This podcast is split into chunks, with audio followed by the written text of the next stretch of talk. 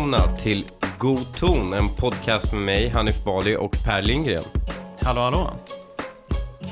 Du är ju en rolig person. Nej, vad fan. Äsch. Oh, du är en sån här, du, jag, får, eh, jag får seriöst höra, det är väldigt många som eh, hör av sig.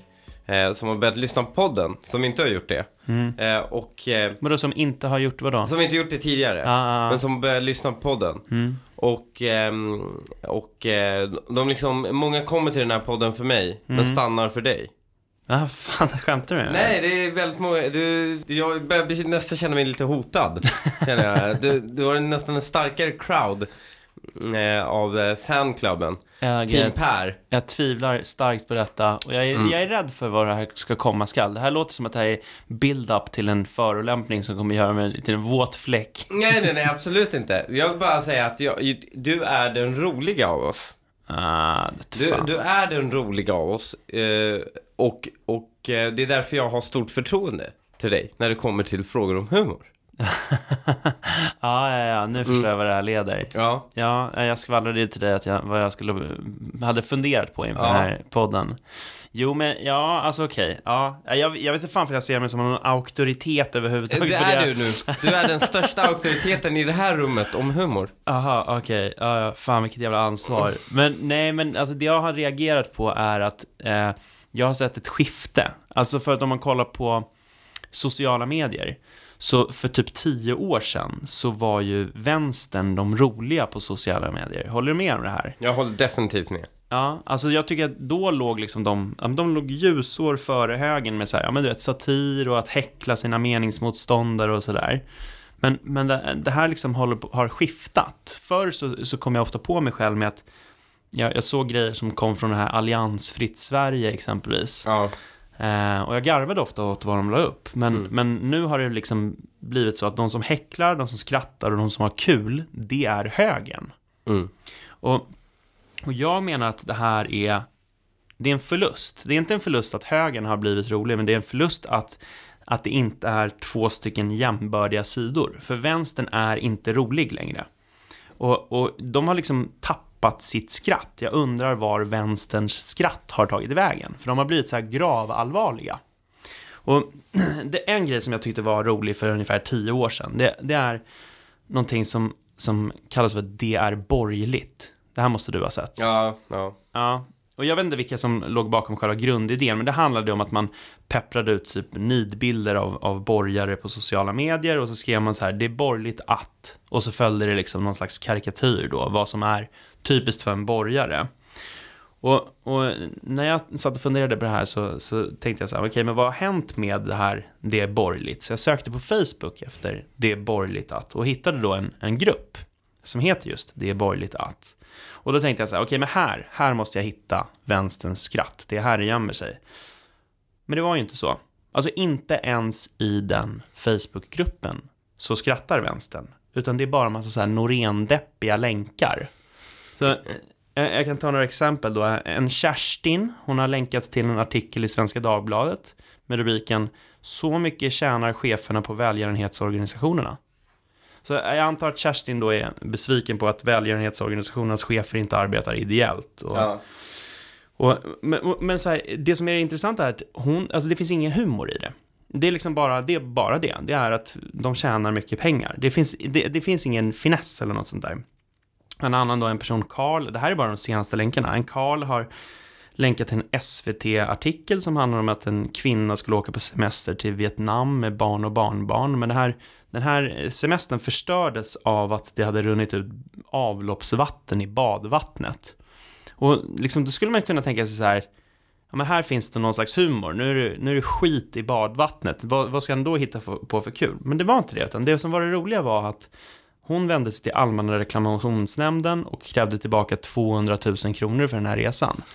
och 200 000 kronor är mycket pengar Ja. och det tycker Karl liksom är det, det är lustigt att hon har mycket pengar så hon, hon hade råd med det. Alltså det är liksom hela, det är, det finns inget skämt. Det är inget, det är inget kul. Alltså, jaha, så den här kvinnan hade lagt 200 papp på att familj och, och sådär och släkt och vänner skulle åka på en resa. Det var det roliga liksom. Och det här fortsätter bara, så hela den här Facebookgruppen handlar om att fattiga människor gnäller över att de inte hela världen är fattig. För det är precis det som är grejen.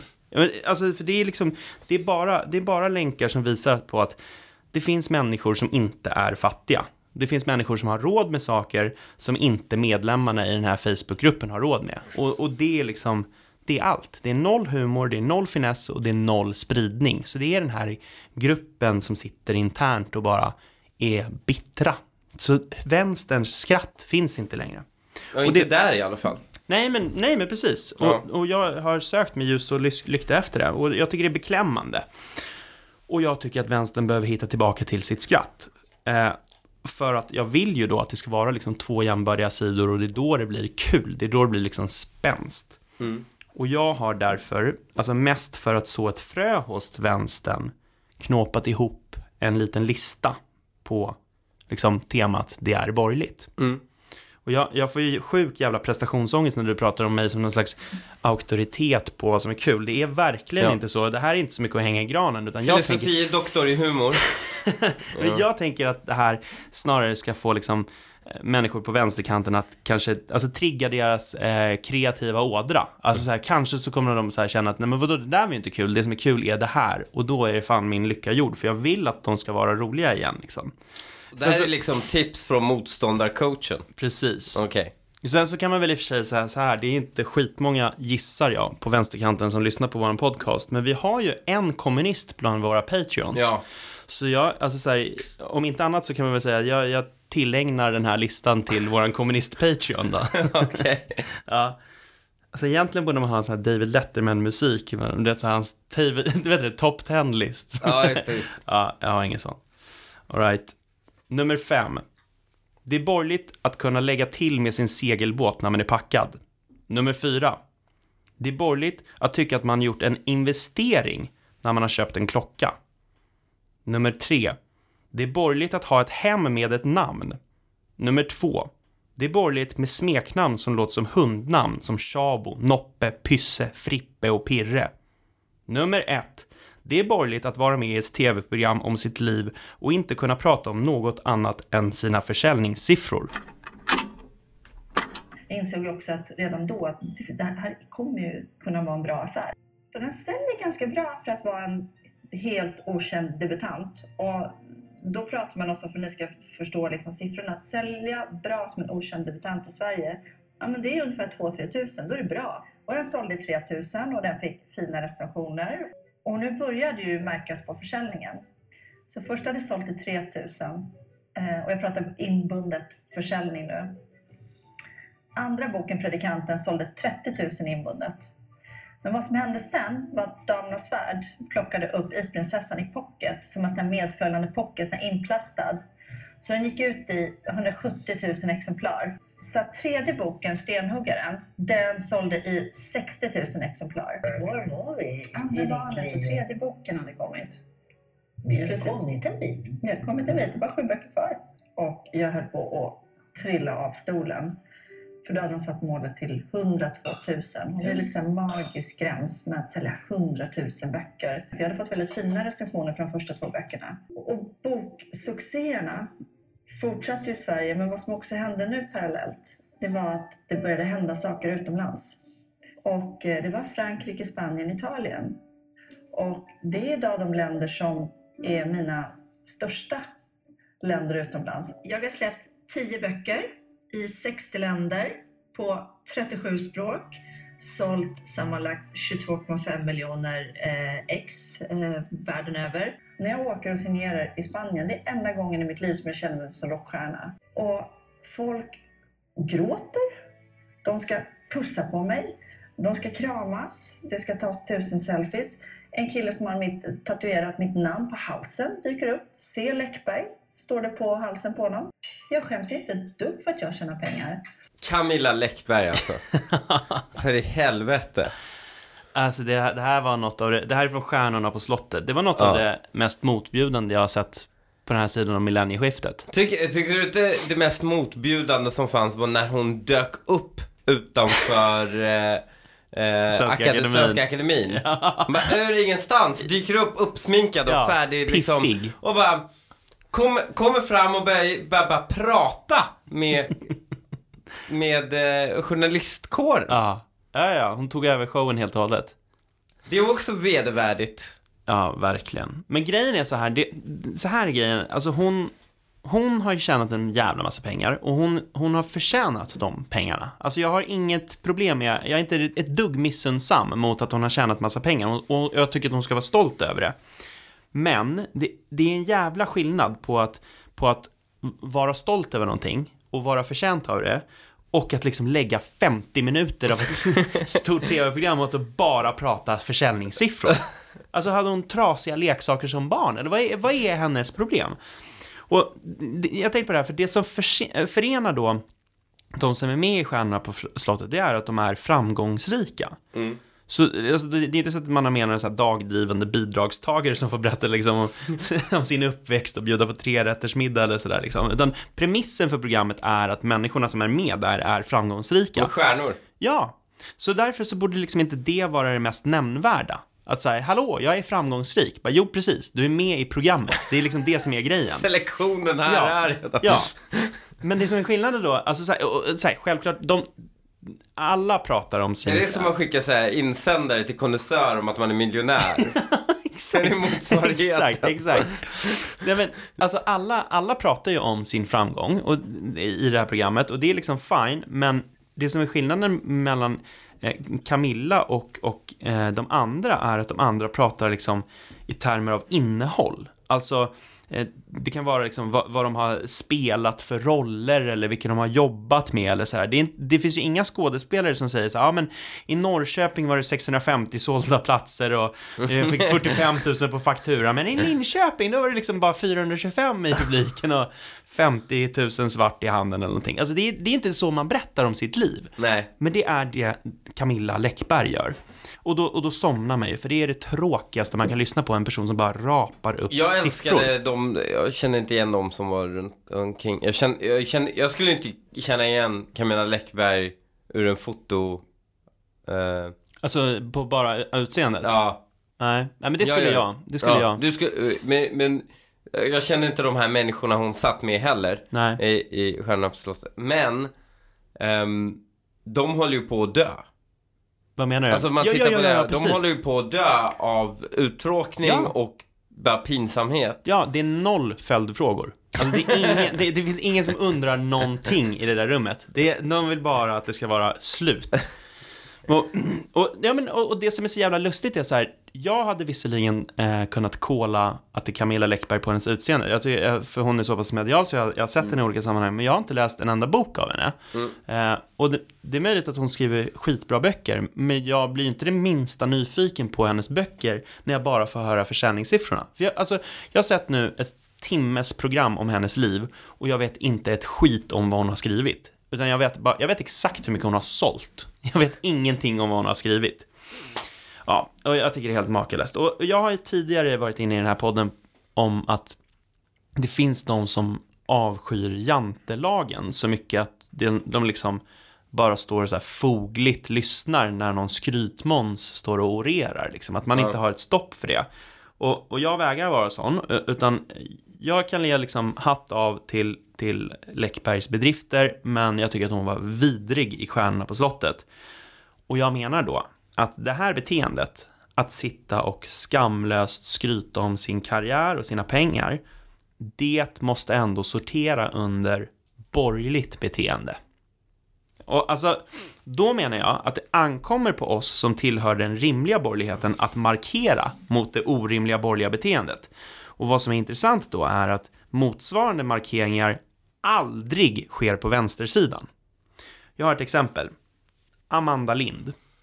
Alltså Amanda Lind är vår nya kulturminister.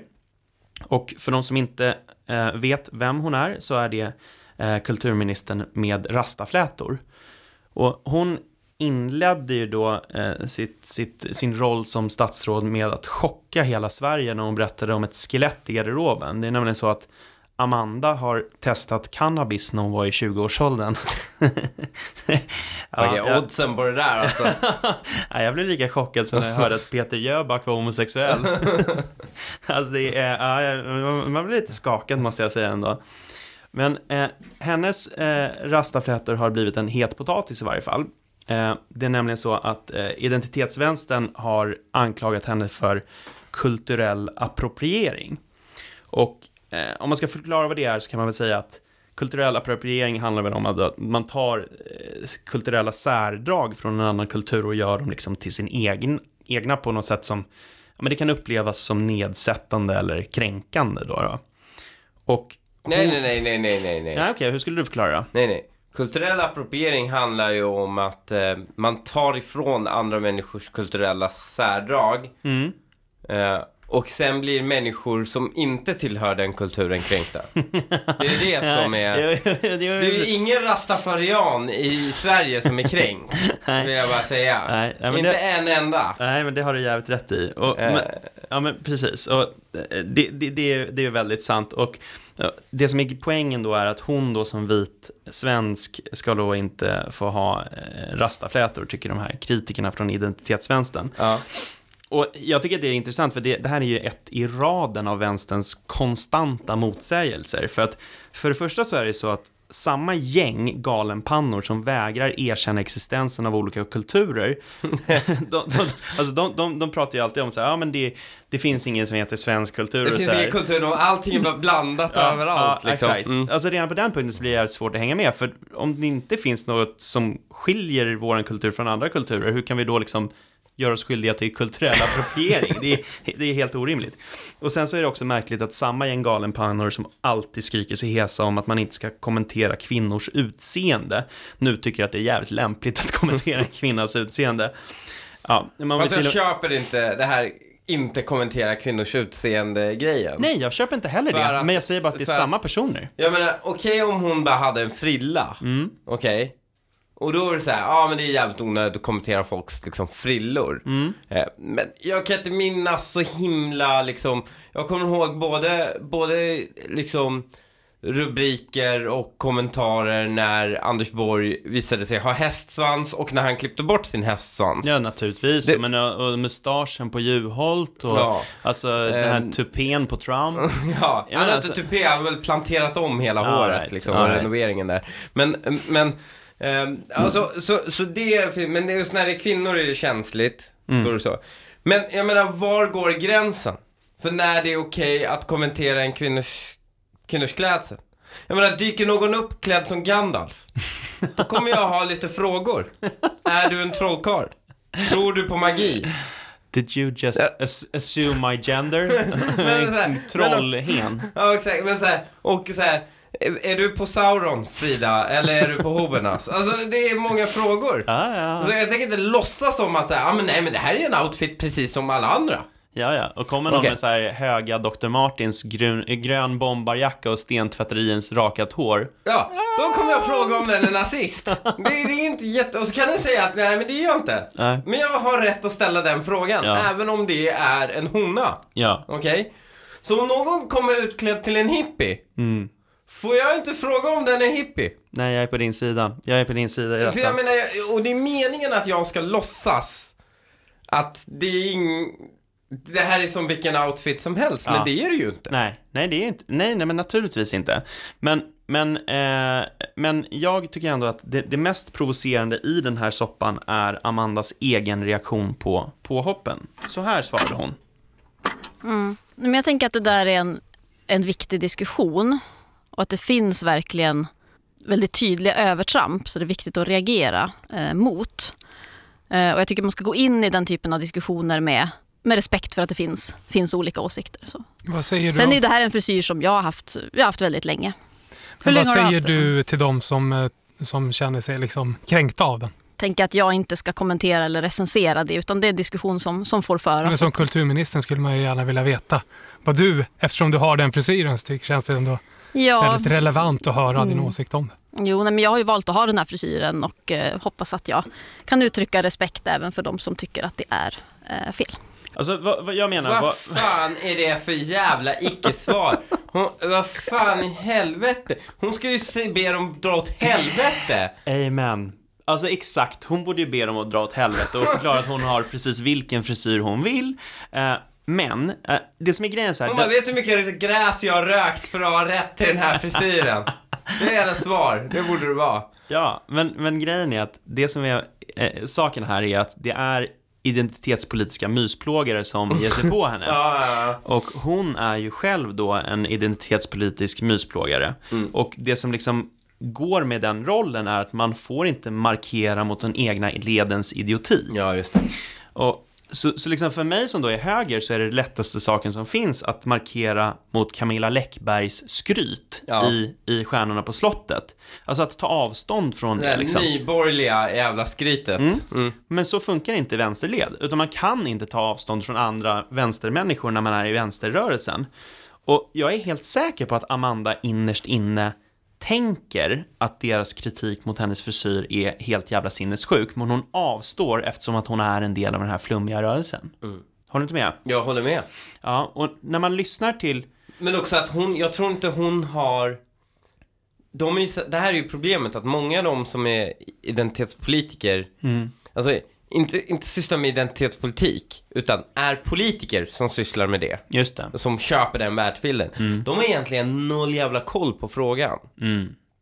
De har, de har märkt så här.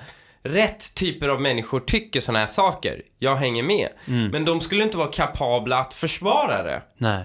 Förstår du? Mm, mm. Och de skulle inte vara kapabla att ta, så här, när de tycker att nej men nu går ni kanske lite för långt. De skulle inte vara kapabla att ta den diskussionen mot de som tar det lite för långt. Mm. Nej, exakt, exakt. Och det är för, för då är det så här, det, det är samma sak, man märker det när eh, typ kvinnoförbunden i olika politiska organisationer kommer så här, ja men de tycker rimliga saker oftast. Och sen går de bara ibland ett steg för långt.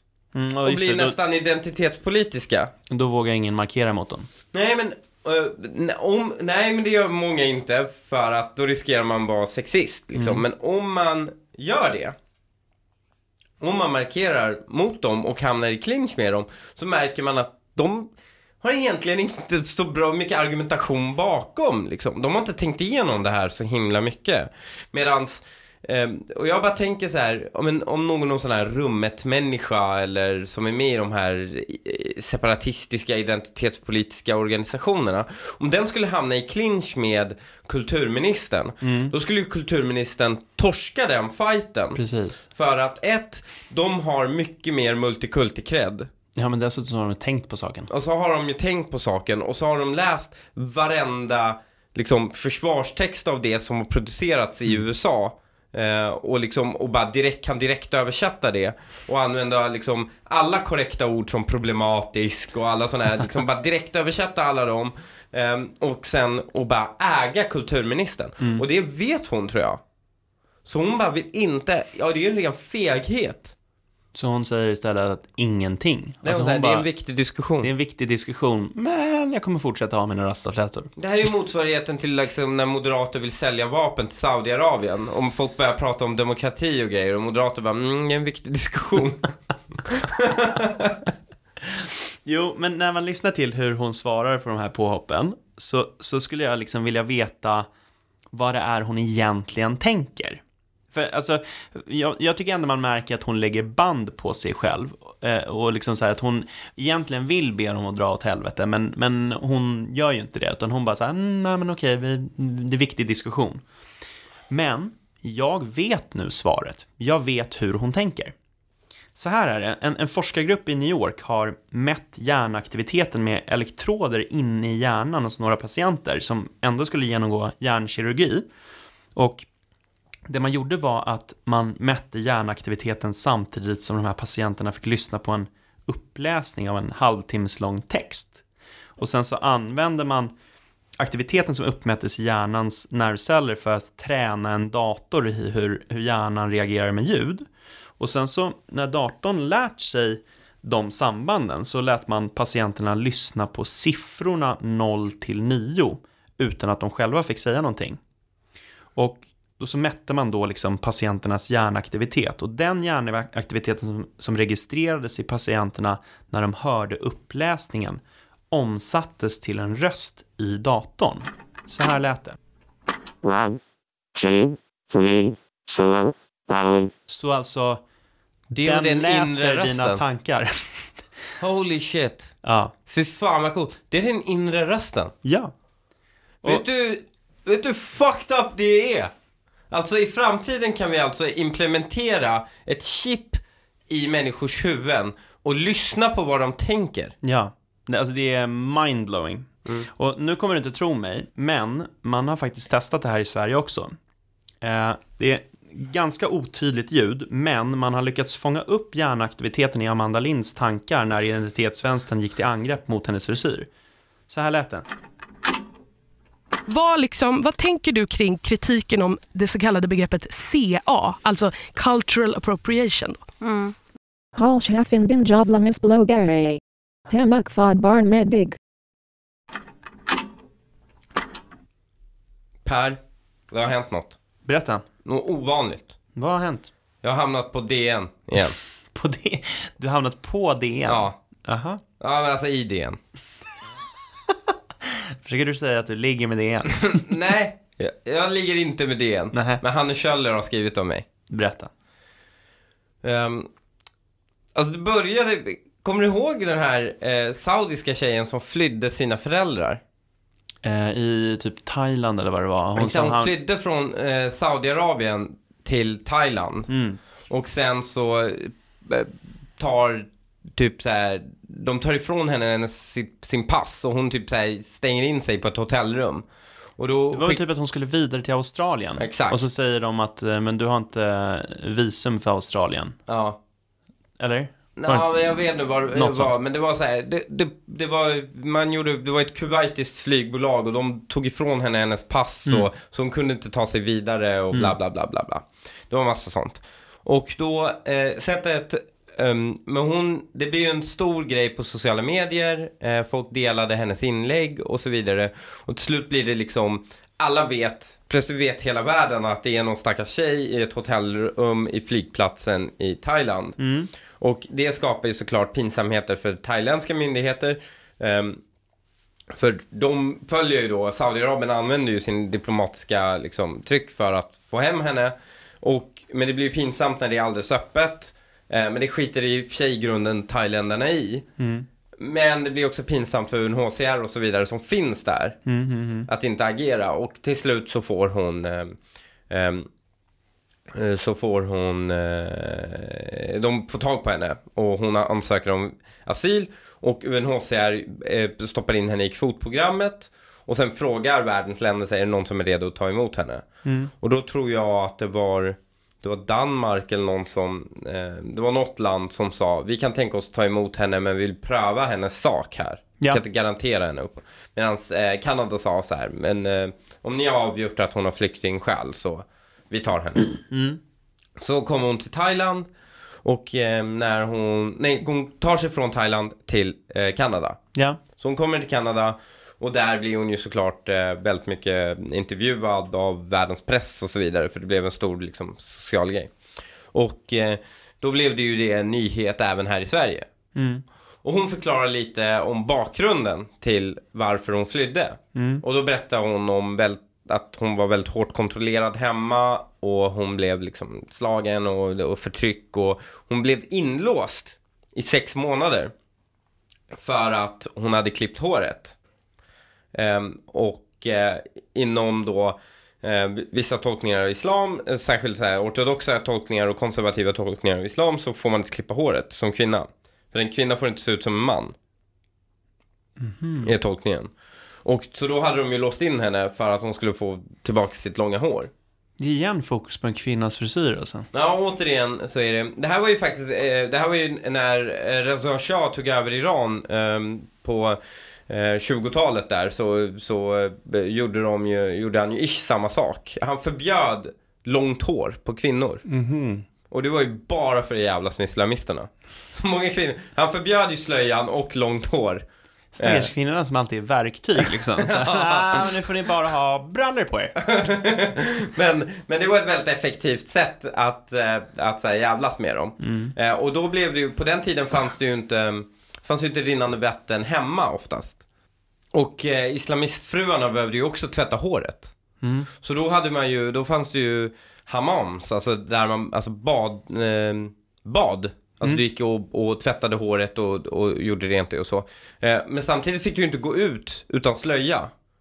Och du fick inte ha långt hår. Så då var det ju, så organiserade de här islamistfruarna då, att man i grupp rörde sig från tak till tak för att komma till badet, för att kunna tvätta håret. Eh, utan att synas på gatorna, för då blir man bötfälld liksom. Åh, herregud. Men ja, det, det, det är en side story, hur som helst. Eh, så här, islam är en viktig förklaringsfaktor i alla de här grejerna. Och det var det även för den här tjejen, nämligen att, att hon blev inlåst eh, hemma för att hon inte hade långt hår. Var ju på grund av, eh, eh, liksom på grund av islam. Och hon säger det. Alltså på grund av islam så blev jag inlåst. hon. Och i den engelska texten så står det ju på grund av islam. Eh, I den engelska översättningen, hon pratar arabiska. Men sen så har ju SVT lagt på en egen text. Är det SVT eller DN? Det är SVT som har lagt på en egen text. Där de har då skrivit att, eh, de har klippt bort det här med islam. Då var det bara, alltså i, i, liksom, lyssnar du på hela inslaget så får du intrycket av så här, ja men det är nog hedersförtryck här. Men islam är inte en faktor alls i, i diskussionen. Och ehm, då blev det ju, det blev ju så fucking obvious när man hör henne säga islam på arabiska och det står islam i texten bakom som SVT textar över där det, där det inte står islam.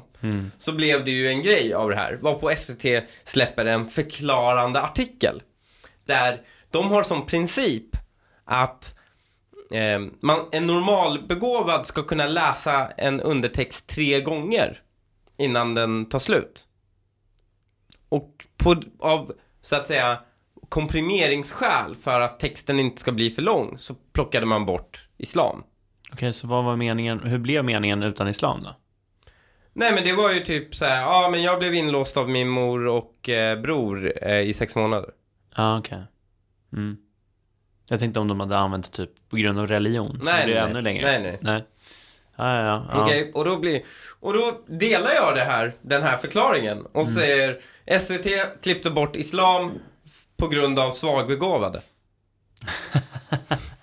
det är ju det är en ren deskriptiv förklaring av vad som har skett här. Just det, att de svagbegåvade... De måste kunna läsa det här och då blir islam för långt för dem. Det här är SVTs princip. Och eh, det högg ju Hanne Kjöller på direkt. Mhm. Hon bara, vad menar du? Tycker du inte det här är en rimlig förklaring? Och jag sa, ja, det är en rimlig förklaring. Det, det, SVT är ju inte amatörer. De skulle ju inte ge en orimlig förklaring. De skulle ju inte bara, nej vi råkade slinta vid tangentbordet och månen stod i zenit med Mars. Och det fick texten att försvinna. Det hade varit en orimlig förklaring. Utan om du har, det är klart att om du ska ha en talespunkt från, från en organisation så måste den ju vara sannolik. Den kanske inte är sann, men den måste ju vara sannolik. Och då är det klart, då låter det väldigt sannolikt att så här, nej men, eh, okej, er princip är att efterblivna ska kunna läsa den här texten eh, och av en slump så är det just islam som plockas bort och okej. Eh, men det kan ju finnas andra orsaker också, som är lika sannolika. Vad skulle det vara för orsaker? Ja, man tycker att SVT tycker att det är lite problematiskt att peka ut en hel grupp sådär. Och en hel religion. Det hade ju inte varit unikt för SVT att tycka. Det är ju inte så att SVT aldrig tyckt så tidigare. Ehm, och så vidare. Det, det kan ju finnas... Den som översätter från arabiska kanske har sina bias. Precis, Och så vidare. Då undrar man ju lite ifall DN tycker att den förklaringen låter orimlig. Ja, det undrar man ju. Men det borde ju vara liksom lite upp till DN att ta reda på det. Om det är så. Utan istället för att ifrågasätta den som bara deskriptivt berättar vad SVT har tyckt.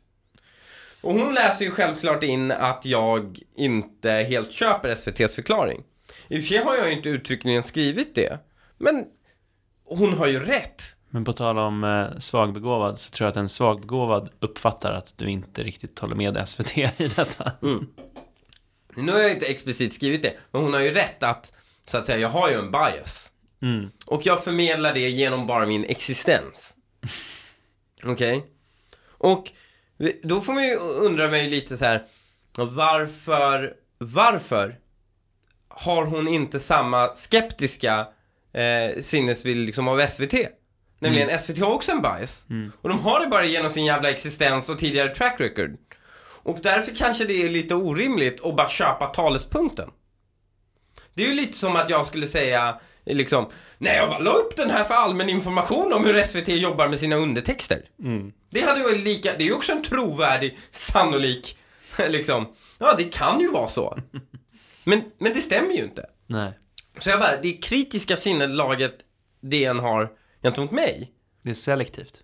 Eh, ja, det, de verkar inte ha det gentemot när regim-tv ger talespunkter. Den sväljer de med hull och hår. Och då eh, har hon ju skrivit ett jätteupprör, jätterolig upprörd eh, eh, text som inte hänger ihop. Den ena halvan handlar om att hur fruktansvärt det är att eh, eh, ja, tonen hos Aftonbladets ledarsida. Eller i, i, mer, mer exakt Anders Lindbergs ton. Ja. Typ att han använder att kall- kallar, så här, eh, kallar högern för öknamn och, och sånt. Vilket är ganska roligt med tanke på att det gör DN också. Eh, så här, att de kallar till exempel moderater för alt, eh, så här, alternativhöger. Att de... Eh, När har de gjort det?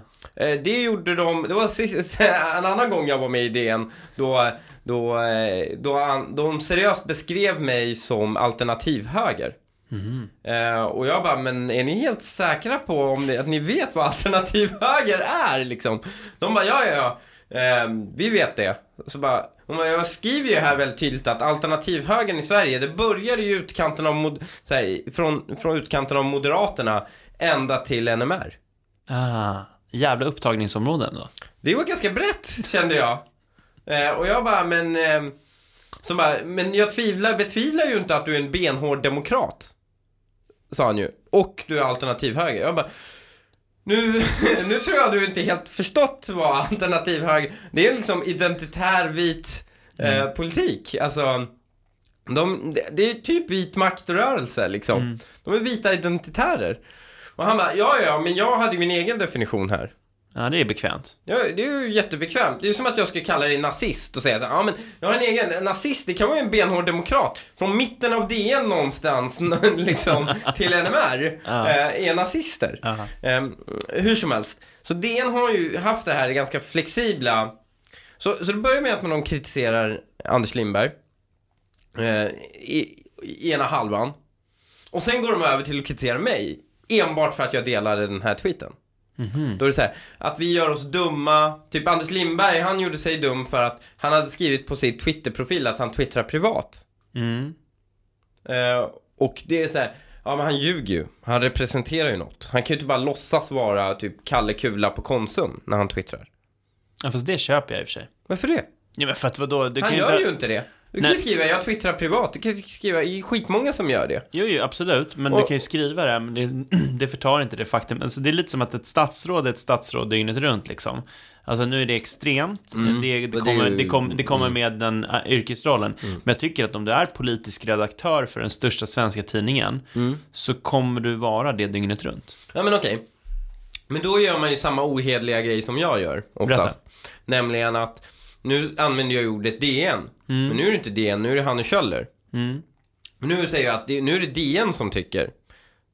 Ja, men hon står väl ändå som någon slags representant för Ja, DN. En del av DN tycker så här. Mm. Och det är väl lite det som har varit, eh, jag tror Anders Lindbergs grej.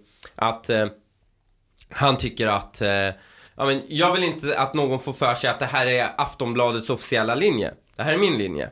Mm. Det här är mina tankar.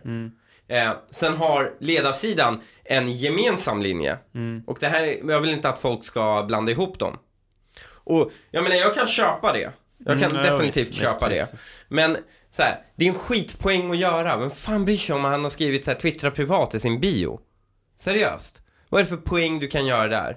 Och nej, men, vad nej, men har det, det... nej, men det beror på. Alltså, jag tycker ändå att det finns en poäng att göra det ifall det är så att han använder den liksom friskrivningsklausulen för att kunna gå bananas. Men Alltså, det gör han ju inte. Han har ju gå- gått bananas för att han är sig själv. Mm, ja men precis. Nej, men det, det, ja, men det, jag, jag säger bara så att det skulle finnas en poäng. Det finns en potentiell poäng där Det ifall han skulle gjort det. men den, den, den, den makes no sense när hon i samma artikel Mm. hugger på att jag har delat en förklaringstext från SVT. Det, det handlar ju bara om att så här, hon, hon vill signalera dygd åt två håll. Ja, Det är ju den här å ena och andra sidanism. Om jag skjuter lite vänsterut och skjuter, skjuter lite högerut, då är jag balanserad. Mm, exakt. Det är ju den här idiotens version av att vara balanserad. Ja, men det finns en rätt Typ stor, stor grupp svenskar som gillar tanken på att tillhöra mitten. Ja. Och Den det här, där- ja men alla är galningar. Ja, jag, ja, jag är den balanserade mitten. Ja. Ja. exakt. Och då är det så här. Eh, ett så är det ju, det är det är bara antiintellektuellt. Mm. Att liksom, bara för att man dygdsignalerar lite åt båda håll så gör det automatiskt att jag har rätt. Mm. Eh, det, det är ju bara, det är bara rent galet liksom. Om en vänsterpartist anklagar liksom det, det, är, det är som att NMR skulle bara Vänsterpartiet anklagar oss för att vara antidemokrater. Det gör Moderaterna också. Ha! Ser du? Mm. Vi är balanserade. Det, det, det är så här, det förtar inget av poängen om kritiken kommer från båda håll. Eller för den delen om du riktar kritiken åt alla håll. Nej. Eh, och, och, men det är ju här jag tycker liksom eh, Hanne Kjöller, hon, hon, hon, hon är ju bara ute efter att, eh, att dygdsignalera, att ha rätt, att vara, försöka framstå som, som sansad. Mm. Och det är ju väldigt mycket av den mediala liksom, logiken bygger ju på att just vara exakt där du är som minst obekväm. Där du liksom, det är det här minsta motståndet. Men ibland, beroende på vem mottagaren av kritiken är, då kan du ju balla ur fullständigt. Och en av de här momenten var ju eh, vad vi kunde se förra veckan i vad det som kallades för Maga Kid. Ah, han som eh, log mot eh, the native american. Exakt. Eh, Finns det något PK-begrepp på svenska för det? Indian. Är, ja, men, men, men precis. Men, men ska, är det inte dags för, för identitetssvensken? Ursprungsbefolkning. Ja, där har vi det. Där har vi det. Ursprungsbefolkning. Just det. Så den här indianen, han, ehm, det, det började ju med att man, man, det är bara en bild liksom, en li- videoklipp där den här killen står och bara småler mot någon, någon så här, något trummongo på riktigt. Som står och bara trummar i hans nylle. Och det här sprider ju sig och då går ju folk bananas. Alltså vänstern, journalister, tykonomer går bananas verkligen. De bara, det här är den perfekta bilden av white privilege, av rasism, av strukturellt förtryck, av eh, liksom allt dåligt i världen. Bara den här 17-åringen. Så man kontaktar den här 17-åringens skola, man får hans rektor att ta avstånd från honom, man liksom och eh, Reza Aslan som, som har jobbat för CSN, CSN, CNN eh, går ut och säger att, isn't, eh, att det här var en punchable face. Ehm, och och eh, alla börjar liksom hetsa, det, vad, vad hette hon, eh, Kate, eh, fan heter hon, hon som höll Trumps huvud, hade det här avhuggna huvudet på Trump. Eh, ja, hon den här komikern, hon skriver I want names. I want names, I want people who know them to, uh, to give testimonies. Uh, we want to know who these kids are. Alltså ute efter att doxa en 17-åring som är alltså olagligt att göra i USA också. Men det är verkligen så här blodvite. Eh, det är, nu ska hämnden utkrävas. De här, eh, i, och de, de seriösa så att säga medierna så blåste man ju upp det här, den här stackars indianen har blivit attackerad av de här kidsen, de har hånat honom och man ser hur kidsen lojar runt honom. Och sen så intervjuar man ju, intervjuar man den här den här eh, eh, indianen. Och han säger ju att nej men jag såg dem trakassera eh, en grupp svarta.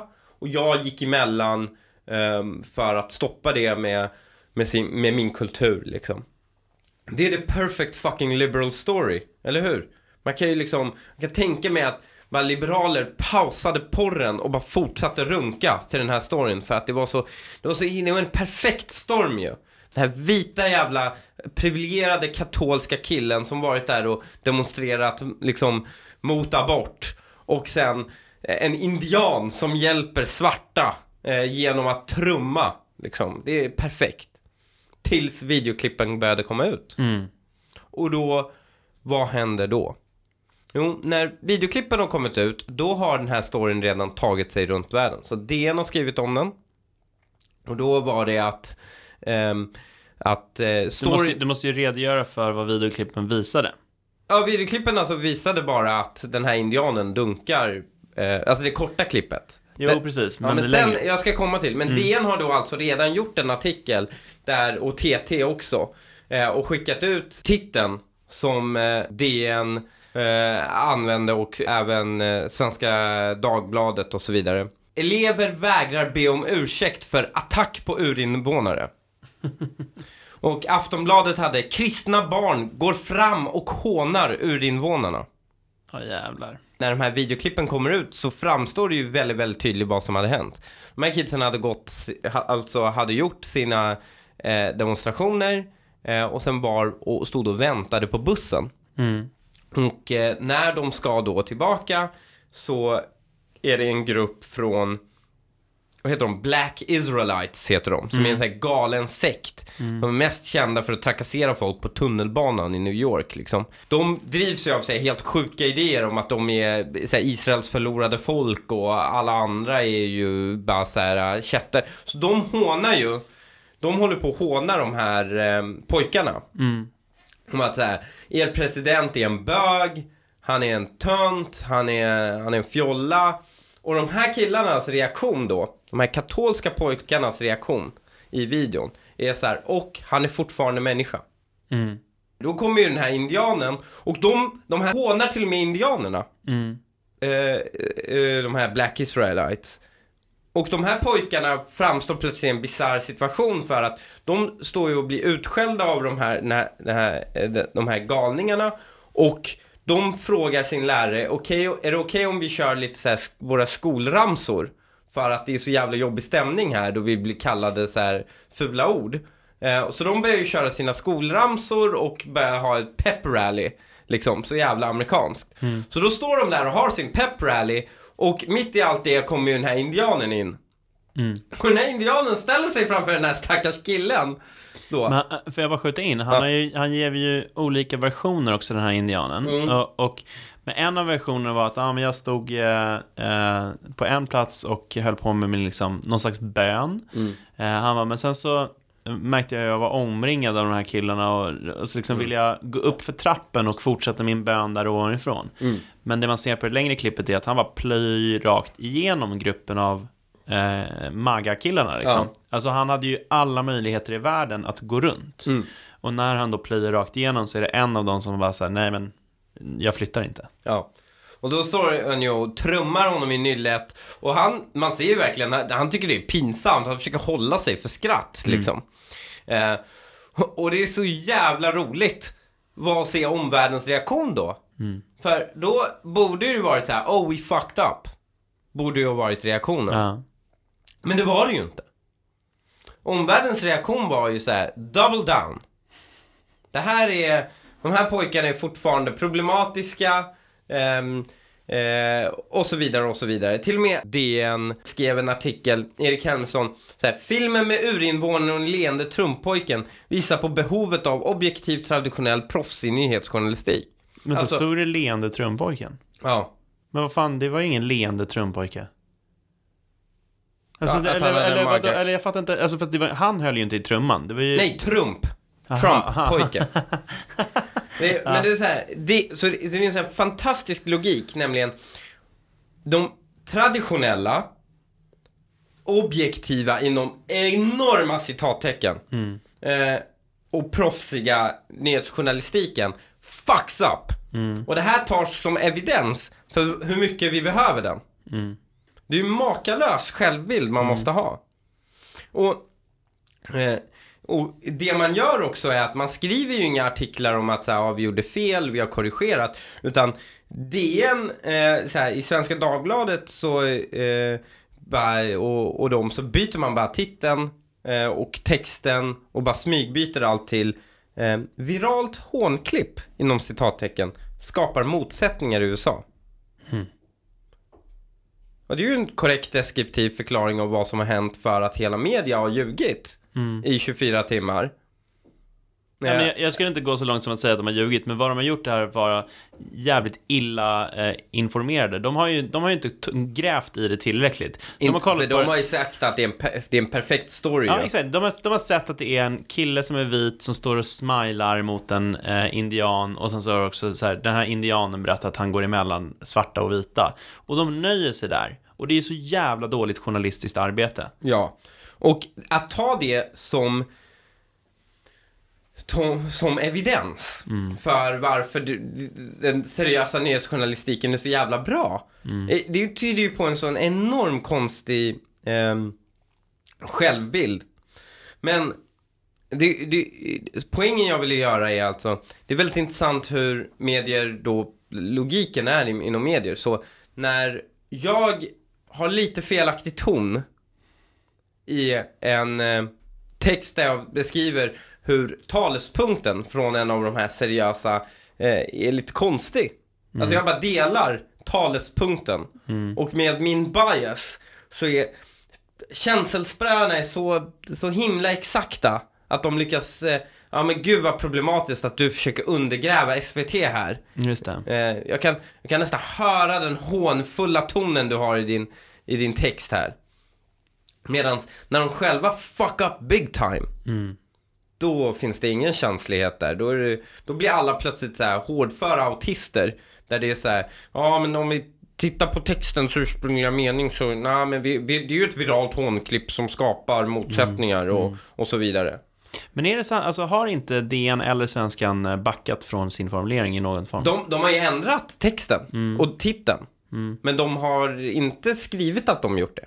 De borde ju skriva en rättelse, alltså i form av en ursäkt av något slag. Nej, men och det här har ju varit genomgående i amerikanska medier också. Nämligen att man vägrar be om ursäkt, att det har gått för långt. Och istället har kritiken riktats mot att det är så fruktansvärt nu att högern försöker göra poänger på medier. Förstår du? Det är det som är det stora brottet nu. Att nu vill, försöker högern göra poäng på medierna. När, om vi går tillbaka till den här 17-åriga pojken. Vad var hans stora brott? Det var att han dök upp på ett kort klipp där han såg dryg ut, men det visade sig att kontexten var, liksom, förklarade det, så att, ja, hans sida hade rätt. När du står och väntar på en bussjävel och det kommer något trummongo fram till dig och börjar slå på dig. Om du ler fel. Om den trummongot råkar ha en politiskt korrekt etnicitet. Mm. Och du råkar vara av en politiskt inkorrekt politisk åsikt. Då är det någon form av brott Mm. som bör bestraffas. Och det här får ju en att tänka på 1984. För i 1984 finns det, i den engelska, står det så här. In any case, to wear a improper expression on your face, to look incredulous when a victory was announced, for example, was itself a punishable offense. There was even a word in a word for it in Newspeak. Face crime, it was called. Och det var ju den här killens fel. Ja, han gjorde, Han gjorde face ett crime. face crime. Han hade fel min för en politiskt korrekt, skyddsvärd minoritet. Det var allt för den här veckan. Det var det. Jag eh, skulle vilja rekommendera alla att följa God ton på Instagram. Ja, god understreck ton. Ja, Hur gör man om man skulle vilja stötta våran podcast då? så om man vill stötta vår Patreon, våran, våran podcast och då bara om man verkligen vill det och känner att man kan lägga en, liksom en, en kaffekopp som jag brukar säga. Eh, en, en, en, det är fan billigare än en kaffekopp på Ja, man- att stötta vår podd. Ja, ja, absolut. Eh, då kan man gå in på www.patreon.com godton och då kan man välja att bli prenumerant och då kan man bli det på så här lite olika nivåer. Man vill ge en dollar eller, eller mer. Och så får man lite perks baserat på eh, hur mycket man väljer. Men det minsta man får i alla fall, det är tillgång till vår fantastiska Facebookgrupp.